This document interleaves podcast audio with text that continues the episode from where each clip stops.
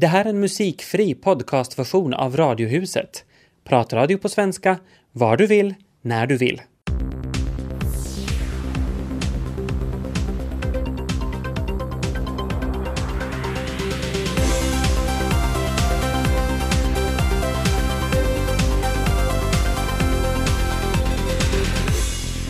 Glad kvinnodag från Radiohuset.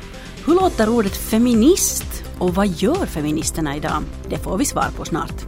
Och vad ungdomarna gör, det visar en ny europeisk forskning. Först ser de alkohol på film och sen dricker de själva. Radiohuset torsdag med Tobias Larsson. Och Ami Lassila, välkomna med!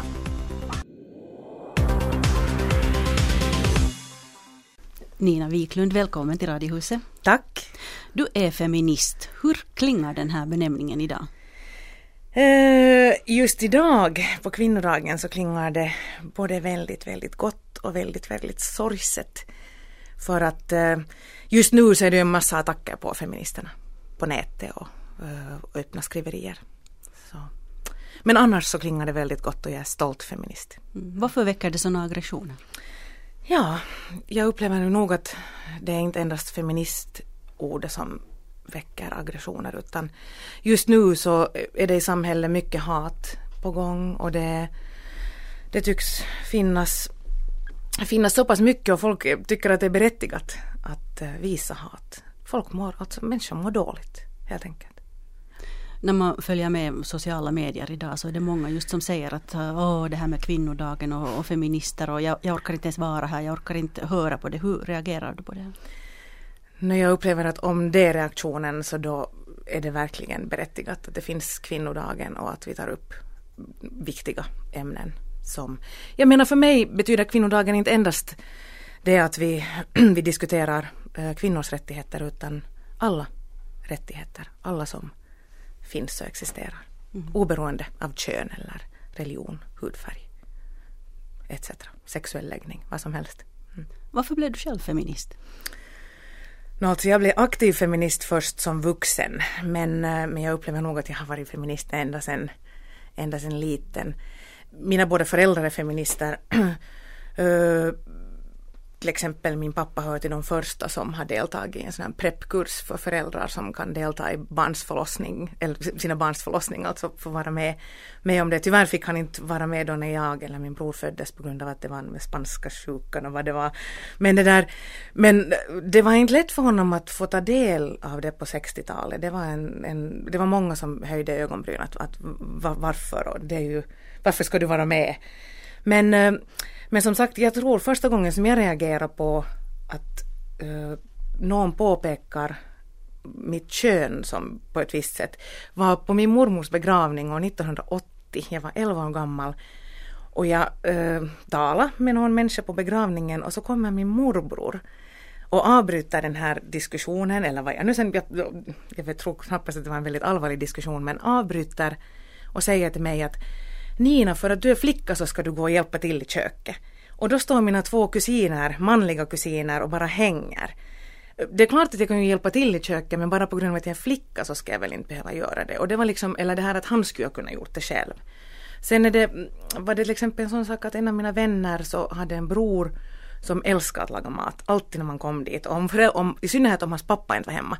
Så stod han och bakade och stekte plättar och det var liksom, det var, man såg att det fanns passion med i det.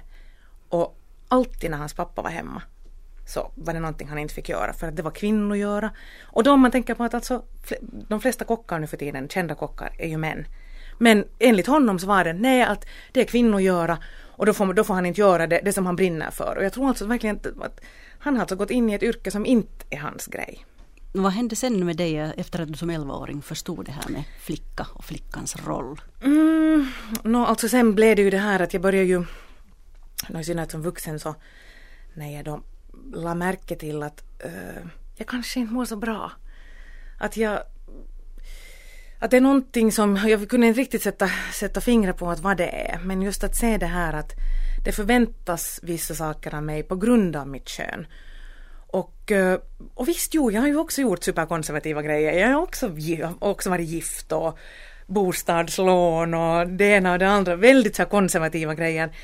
Men det ska man göra när du, när du väljer det själv, inte på grund av att jag, ska göra, att jag ska gifta mig på grund av att jag är kvinna eller att det förväntas av mig att uh, jag ska bli mamma. Eller, och det är ju en tabu ännu fortfarande det här att diskutera kvinnor och barn. Att vill du ha barn, varför, eller varför du inte har barn och i synnerhet om du inte vill ha barn så är det ju något fel på dig.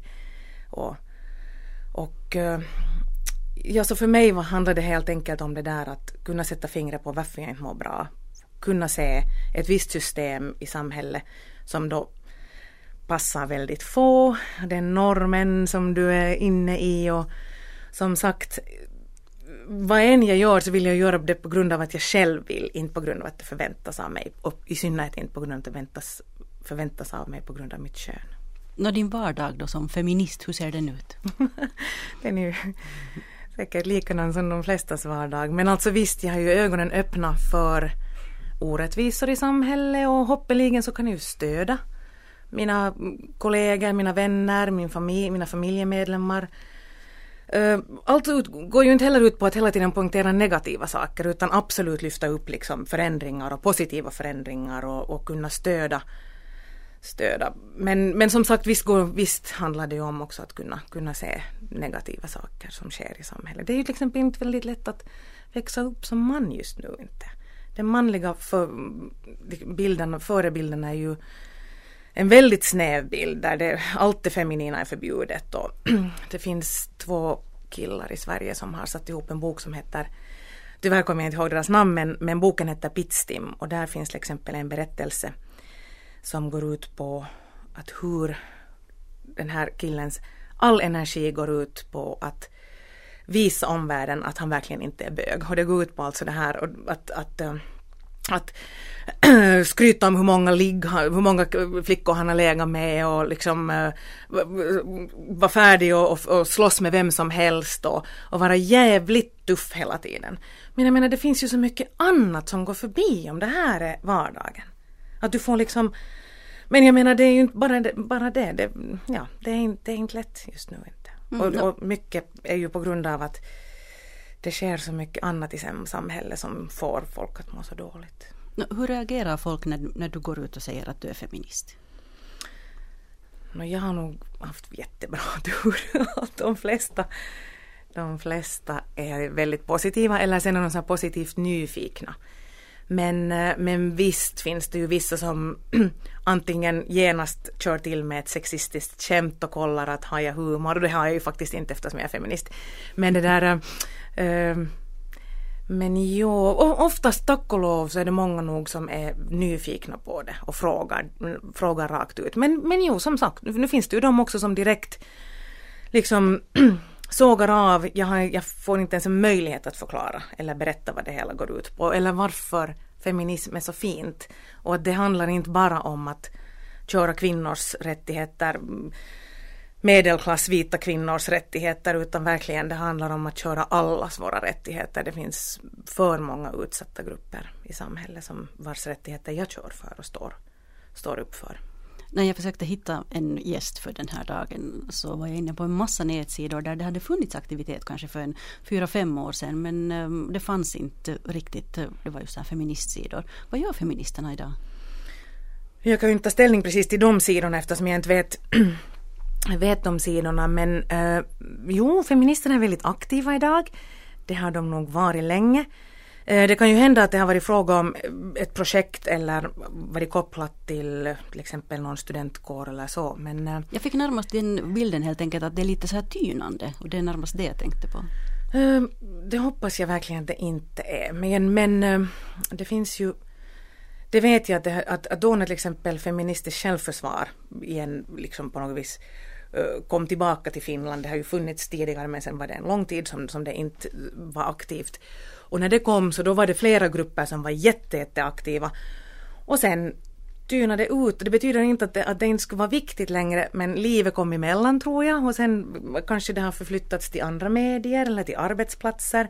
Många av dem som var aktiva då är aktiva nu i arbetslivet till exempel. Många av dem var studeranden då när, då när de startade det hela och nu är aktiva i arbetslivet och också aktiva nog inom feministrörelsen men inte kanske lika synligt så feministerna finns och mår bra. Absolut, absolut. Tack Nina Wiklund för att du kom. Tack.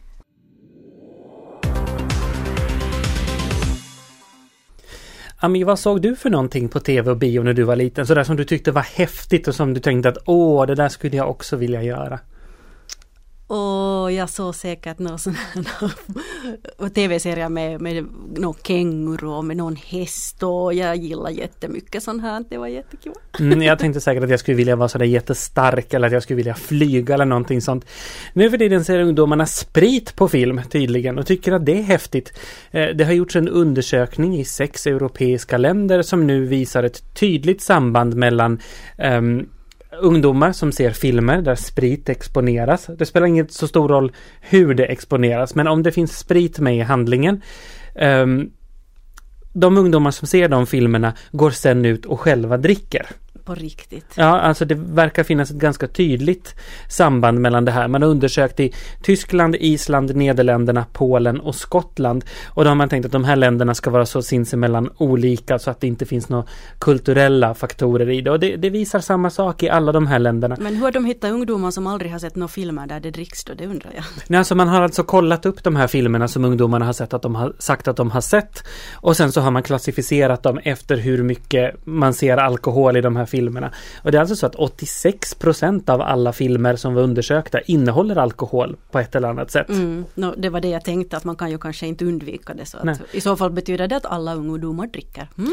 Men när jag var ung så var det ganska pedagogiskt sådär att i filmer så var det nästan alltid så att dricker man sprit så råkar man illa ut. Oh, Alternativt, allt, jo, 80-talet, du vet, pekpinnar hit och no, pekpinnar tänk tänk på alla sådana gamla filmer där man hela tiden röker och röker och röker. Mm. Nästan ingen röker ju mer idag. Nej, och inte, inte på film. nej, precis. Nej, nej. Så jag menar, tydligen finns det en liksom, attitydskapande grej där. Antingen så i mina i filmerna när jag var ung så antingen så råkade man illa ut eller så var det komedier och då drack man och så hände någonting riktigt pinsamt så. Så där skulle, det skulle man liksom inte det skulle man inte, det skulle man akta sig för. Nu för tiden verkar det som att ungdomarna tittar på sina filmer, först skrattar de och sen dricker de själva. Kanske inte helt lyckat.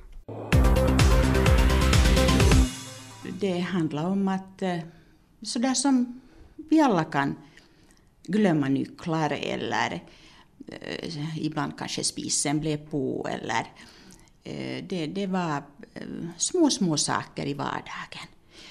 Men eh, ju längre tiden led så, så blev det mer frekvent. Marie Lindfors Airas har en mamma som insjuknat i demens. Mamman bor i Helsingfors, Marie bor en bit utanför, i Sjundeå. Sjukdomen har kommit sakta smygande och att få diagnosen ställd tog också en tid. Så var det ju då en jättestor grej det här att få eh, mamma på någon sorts undersökningar. För att hon Eh, hon hade ju en, en och har fortfarande en, en, en mycket sund uppfattning om sig själv och, och det är någonting som jag och mina syskon absolut tycker att man ska värna om att eh, den egna integriteten är väldigt viktig och den egna uppfattningen om sig själv och sin situation är eh, att stödja där, förstå det. Så eh, hon i början tyckte att oj, att, eh, att hon har ju inget fel. Så det var, det var lite komplicerat det att, att få henne. Men det ordnades. Och det undersöktes och diagnosen fick hon 2005. Så att säga 20 år sen. Och ännu bor hon hemma? Hon bor fortfarande hemma. Och eh, det uppskattar hon själv väldigt mycket. I början så gick det någorlunda bra.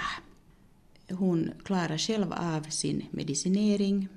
Sen eh, gjorde hon eh, ständiga promenader också, promenerade mycket och rörde på sig. Umgicks med vänner och väninnor. Hon fortfarande eh, fick vara och leva precis som tidigare.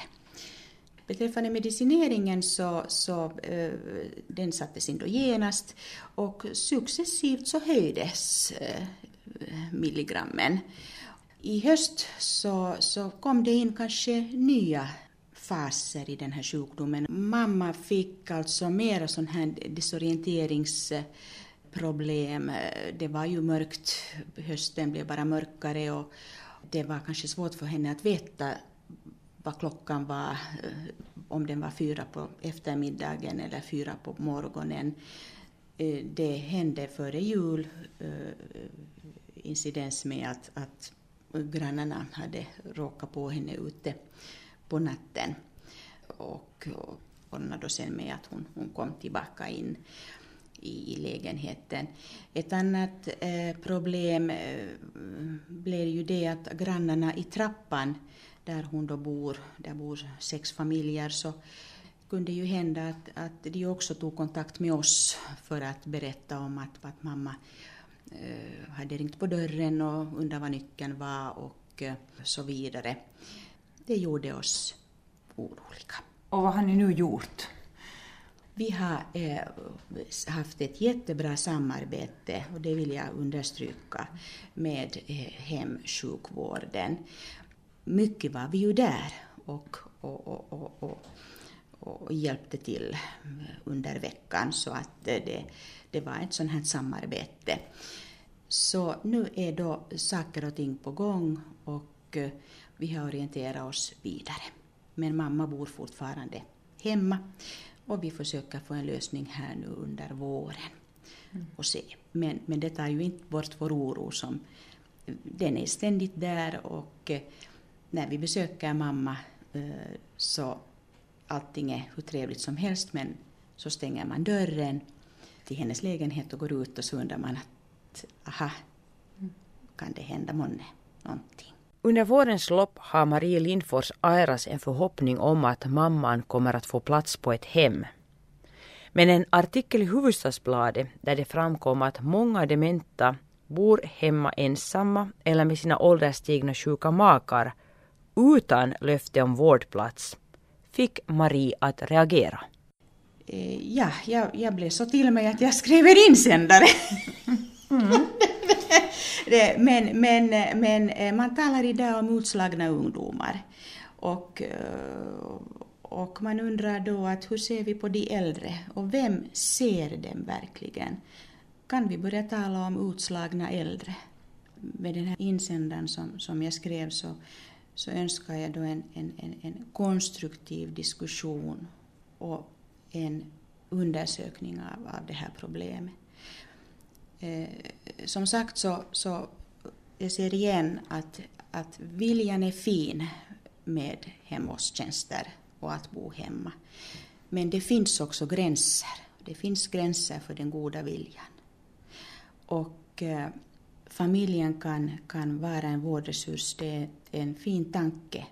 Och att den äldre kan bo hemma så länge det är möjligt är också någonting som vi bör värna om det får vi också komma ihåg att alla kanske inte alltid vill, vill bo, vara fri, frivilliga heller hemma, att, att, att de vill komma bort, bort hemifrån. Men, men eh, det att eh, är problemet månne det att det inte finns då platser. När väggen kommer emot och du står där och tänker att, att vad nu, väggen kommer emot. Finns det då inte platser? Eller är det så att man inte kan utnyttja och använda de platser på rätt sätt som redan finns. Och det är någonting sånt här som, som, som man skulle vilja få svar på. Människans egen integritet är det allra viktigaste. Och trots hurdan dementia som helst så får denna integritet inte eh, skadas där. Hurdan äldreomsorg skulle du själv vilja få när du blir äldre? Det skulle likna så mycket eh, min egna naturliga vardag som möjligt. Um, har mycket glädje omkring mig och, och människor. Att ha någon där som bryr sig om. Och där kommer vi då igen fram till den här integritetsfrågan. Att värna om den uppfattning, den bild av vad jag är och hurdan jag, jag vill vara i min omgivning. Ingenting händer över en natt. Men, men det att man får igång en diskussion och uh, temat uppmärksammas är en stor sak. Ni hörde Marie Lindfors Airas som intervjuades av Tina Grönros. så här på kvinnodagen kommer en glädjenyhet för alla män. För strumpbyxor för män är nu in, åtminstone om vi får tro en italiensk modeskapare. Och nu menar du alltså strumpbyxor som i strumpbyxor, alltså sådana som kvinnor har, alltså inte långkalsonger strumpbyxor utan på riktigt strumpbyxor, strumpbyxor. Strumpbyxor, strumpbyxor på ja. riktigt mm. alltså. Det mm. känns ju jättemanligt. För att det där, jag såg bilder på dem, de hade stjärnor och bollar och dödsskallar och sådana söta fartränder. Och det här var nu då faktiskt avsett för alla, inte bara för superhjältar. Men hallå, superhjältar har väl inte strumpbyxor på sig? De är Spiderman och... Nej men de har tights. Va? Tights är manligt och, och härligt men strumpbyxor, nej nej nej. Vad är skillnaden? Det vet Stålmannen, det kan du fråga honom. Men det som jag undrar över då, okej, okay, att hur ska de här männen ha de här strumpbyxorna så att de faktiskt syns? För annars är det ju bortkastat med de där fina dödsskallarna och så. Mm, jag såg en bild med en kille som hade så här shorts och så hade han då strumpbyxor under dem. Det är ganska tufft. Mm. Eller en kilt, det skulle inte heller vara så dumt. Mm, mm, fråga vad skottarna tycker. Mm. Men det är ganska krävande. Man ska ha snygga ben sådär som balettdansörerna. Och någon hade faktiskt tagit ut på nätet en sån, glad, sån där bild av en gubbe i strumpbyxor med ölmage till. Alla kan föreställa sig den där kombinationen. Inte snyggt, inte sexigt. Så det ska alltså bli sån här utseende stress och press för män också? Är det är det, det, är det, det man har tänkt? Mm, jag tror att det är ganska många män som faktiskt vill ha strumpbyxor. För att, eh, folk, eller män på nätet som berättar att de har använt strumpbyxor i många år därför att de är sköna och bra och värmande och allt sånt här. Men eh, jag fortfarande tycker nog att det är kanske en symbol för, för kvinnlighet och, och så. Men ja, du, du sa ju att det här med tights och det här med Supermannen och, och det här att det är liksom macho. Ja, alltså jag vet inte, jag tror att det ligger i benämningen. Jag menar jag håller med att det ligger ganska nära varandra sådär. Men det är på något sätt så att, att plagg för män har fått manligare namn. Okej, tights kanske inte är sådär det bästa exemplet på det. Men jag menar, tänk exempelvis en man som glider in i en cardigan så kanske ganska många män fnissar till. Men om han säger att han har en ny tröja så är det mycket mer acceptabelt. Mm, det är alltid hur alltså, man benämner saker. Benämningssjuka helt enkelt. Mm, men själv alltså, jag avskyr strumpbyxor. Det kliar om man känner sig instängd men alltså alla män som bara vill använda dem, fritt fram för min del. Grattis på namnsdagen Filippa! ropade min granne glatt vid postlådan i morse. Ja, det var ju den dagen idag, vad roligt! Sen insåg jag att om det är min namnsdag så då är det ju också kvinnodagen. Och så gick humören ner någon grad. För jag är inte riktigt nöjd med att dela namnsdagen med kvinnodagen. Och det är inte för att min namnsdag skulle få mindre uppmärksamhet utan det är för att kvinnodagen gör mig lite nere. Det är en dag som för mig inte alls är positiv. För mig så betyder kvinnodagen något helt annat än att man ska gratulera kvinnorna för att vi är just kvinnor. Hylla oss och komma hem med blommor sådär som på alla hjärtans dag. Jag vill inte höra de där tomma orden grattis på kvinnodagen som man bara säger för att det hör till, för att det råkar vara kvinnodagen. Så klämmer man nu i sig ett grattis på kvinnodagen och så glömmer man det sen. Sen är allt som vanligt dagen därpå. Nej, kvinnodagen är inte egentligen något att fira. För bara det att vi måste ha en speciell kvinnodag så är ju i sig så ojämlikt det bara kan bli. Kvinnodagen betyder inte något annat än att kvinnor runt om i världen är mindre värda än män. Här i Finland så råder nästan jämställdhet. Kvinnor utbildar sig, deltar i arbetslivet. Vi har haft och har kvinnor på högt uppsatta politiska poster och så vidare. Men ändå så tjänar en kvinna mindre än en man i vårt land, för att ta ett exempel. Men i det stora hela så sköter vi oss väldigt bra här i Finland om man jämför med världen i stort. Där till exempel lagarna i många länder inte erkänner kvinnors rätt att ärva eller att äga land. Många kvinnor får inte gå i skola och de lär sig aldrig att läsa. Och det är okej att misshandla en kvinna som inte gör som mannen säger och så vidare. Ja, nu ska jag inte hålla på och orera om det desto mera. Jag vill bara förklara för er varför jag inte tycker om kvinnodagen. Det är för att så länge vi måste fira en kvinnodag så betyder det att kvinnor inte är jämställda med män. För om jämlikhet rådde så då kunde vi fira människodagen istället till exempel och gratulera varandra till att vi är födda som människor som får leva och må bra här på jorden. Men så långt har vi inte kommit och jag undrar om vi någonsin gör det. Jag hoppas ju att vi når dit. Och då är det slut på kvinnodagen och jag och alla andra Filippor och alla andra Filipar får ha vår namnsdag i fred. Nu har jag tittat igen på nyheterna och, i nej, där finns ett chockbesked från godisvärlden. Sisu-pastillen försvinner kanske utomlands. På semester då eller? Nej, de ska börja göra det någon annanstans än i Finland planerar de. Men det går ju inte. Sisu-pastiller kan ju inte ha sisu i sig om de inte är från Finland. Nej, absolut inte. Själen försvinner ju. Har du något förhållande till SISU förresten, du som är sån här svensk?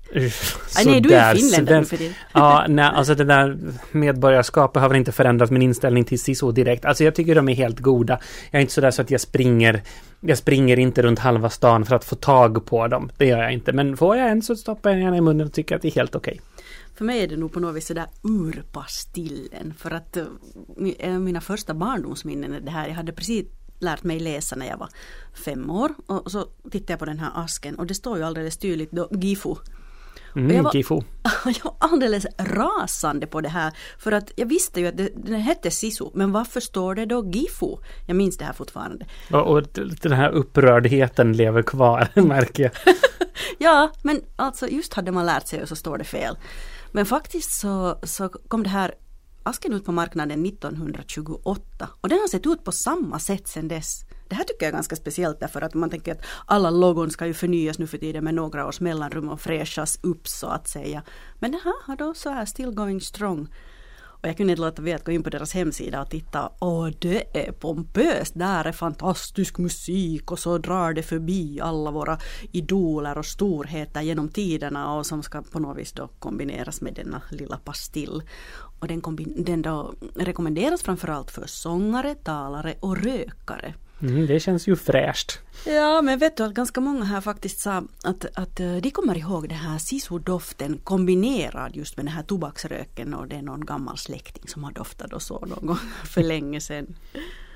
Men jag undrar lite sådär att ifall sisun försvinner från Finland så ja, vad finns då kvar? I Estland står en hel del av kollektivtrafiken still och skolorna har ingen undervisning. Vad märker vanliga ester av strejken och vad tycker de om den? Jag ringde upp Sale Randaro, en mammaledig museiarbetare i Tartu och frågade varför det strejkas. Ja, varför? Först tror man att det är för att få lön. Men jag tycker att det är också en sorts kommunikationsfråga eftersom eh, folk är, eller lärarna är trötta på att, eh, få, att få minis- från ministeriet oklara svar. Och att eh, ministern Avikså lär inte ta dem seriöst. De är, de är trötta på det, tycker jag. Men lärarna har alltså dåliga löner i Estland. Vilken nivå ligger de på? Lärarnas mellanlön är ungefär 750 euro per månad medan mellanlön i Estland är 865 euro. Hur märker man den här strejken i vardagen? Ja, igår och idag så ser man mera barn på gatorna för att eh, vädret är fint, solen skiner och eh, här i Tartu så fungerar kollektivtrafiken men i Tallinn strejkar eh, också de. Vad tycker människor i allmänhet om strejken? Den där strejken har ett stort allmänt stöd, tycker jag. För att eh, lärarna är viktiga för oss. För att eh, våra barn, det är vår framtid naturligtvis. Och eh, det, är, det är viktigt vilken kvalitet man har på skolan. Eftersom eh, en trött lärare är inte alls rolig och eh, även om, även om eh, den där materiella basis är inte dåligt alls.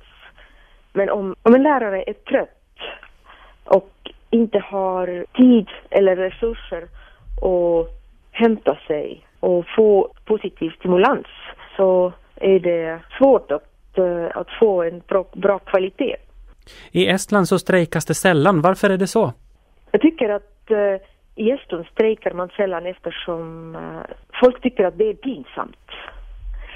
Vi har fått förklarat för oss så många gånger att det inte hjälper att få det bättre, att man inte blir rikare utav det. Men ibland så får man nog för att man inte hörs. Och det är därför man är på gatorna nu. Även om, eh, om lärarna inte alls tycker om att stå där, utan de skulle hellre pratas med representanter från skolförvaltningarna. Och, men här i Estland så när det visas hur folk strejkar Eh, till exempel i, i Grekland eller i eh, Italien eller, eller i, i Frankrike då tycker man att det är, det är otroligt så många har sån energi att gå ut och, men själv tycker man inte att det skulle fungera. Det är något i isländernas natur att eh, det är inte det rätta sättet att göra sig hörd. Men varför sympatiserar människor mer med de strejkande nu än vad man har gjort tidigare? Jag tycker att eh, något ligger i minister Aviksås uttalanden. Det finns en viss arrogans i det som har eh, upphetsat även de som inte direkt arbetar i skolan. Utan man, man, när man läser artikeln, det har funnits en debatt om lärarnas lön eh, sedan eh, i april förra året. Det, det, finns en viss sorts arrogans i det som, som gör folket generellt missnöjd. Till sist, vad tror du att eh, lärarna kommer att få ut av det här? Vad kommer att förändras efter den här strejken? Ja, minister Aviksson sa, sa i tisdags att okej, okay, ni får den lägsta lönenivån från 600 kronor som en ung lärare ska få. Jag hoppas, jag hoppas verkligen att uh, staten tar lärarna och deras krav mer seriöst och, och försöker hitta det som de kräver eftersom regeringen lovade att eh, lärarnas lön skulle gå upp från början av detta året. Men det har inte hänt. Det sa Sale Randaro som var med oss på telefon från Tartu i Estland. Igår så pratade vi om hårfärg här i Radiohuset och hur skadlig den kan vara. Det är inte så många som tänker på kanske. Våra kollegor på NRK har hittat en annan farlig produkt. De har provat 73 olika deodoranter. Eh, alltså sådana här, du vet, sådana vanliga som man rullar ja, under armarna för att inte lukta skunk. alla dagar, ja. Mm. Och är de nu också då farliga? Ja, ser du. Uh, av de här 73 deodoranterna som de har testat så kan de bara rekommendera 18. Därför att de innehåller olika kemikalier som av olika anledningar är skadliga antingen för människan själv eller för miljön. Alltså jag måste nog säga att det blir bara angstigare och angstigare att leva. Det här nu med kunskap är makt kan vi kanske slopa istället tala om att kunskap är angst. Mm, ja, jo, det kan man väl säga. Men samtidigt det finns en liten ljuspunkt på den här därför att hon som har eh, Tone Granås som har testat de här har kommit fram till att det är lite bättre nu än när de gjorde samma test för tre år sedan. Men det är fortfarande så att framförallt apotek fortsätter att sälja sådana deodoranter som har parfym tillsatt och sådana här extra kemikalier som kanske inte skulle behövas. Hon tycker framförallt att det är underligt att det är så mycket parfym i deodoranterna med tanke på att mängden parfymallergiker ökar lavinartat i hela lite, västvärlden. De är lite lurade för att man har ju trott att det med apoteken att det är liksom på något vis bättre att köpa alla möjliga kemikalier därifrån. Ja, det kunde man ju tro. Men varning för deodoranterna alltså. Det är kanske bättre att gå omkring och lukta lite illa. Nej. Nej, det är det inte. Eh, ta väl hand om era armhålor under veckoslutet. eh, Radiohuset är tillbaka igen på måndag. Imorgon så hör ni ju Nöjesfredag här med, Filipp, med Filippa Sundlin. Och nu blir det Aktuellt 17. Vi hörs. Vi hörs.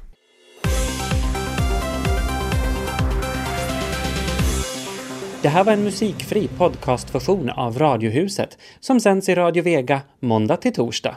Mer information om programmet hittar ni på svenska.yle.fi radiohuset.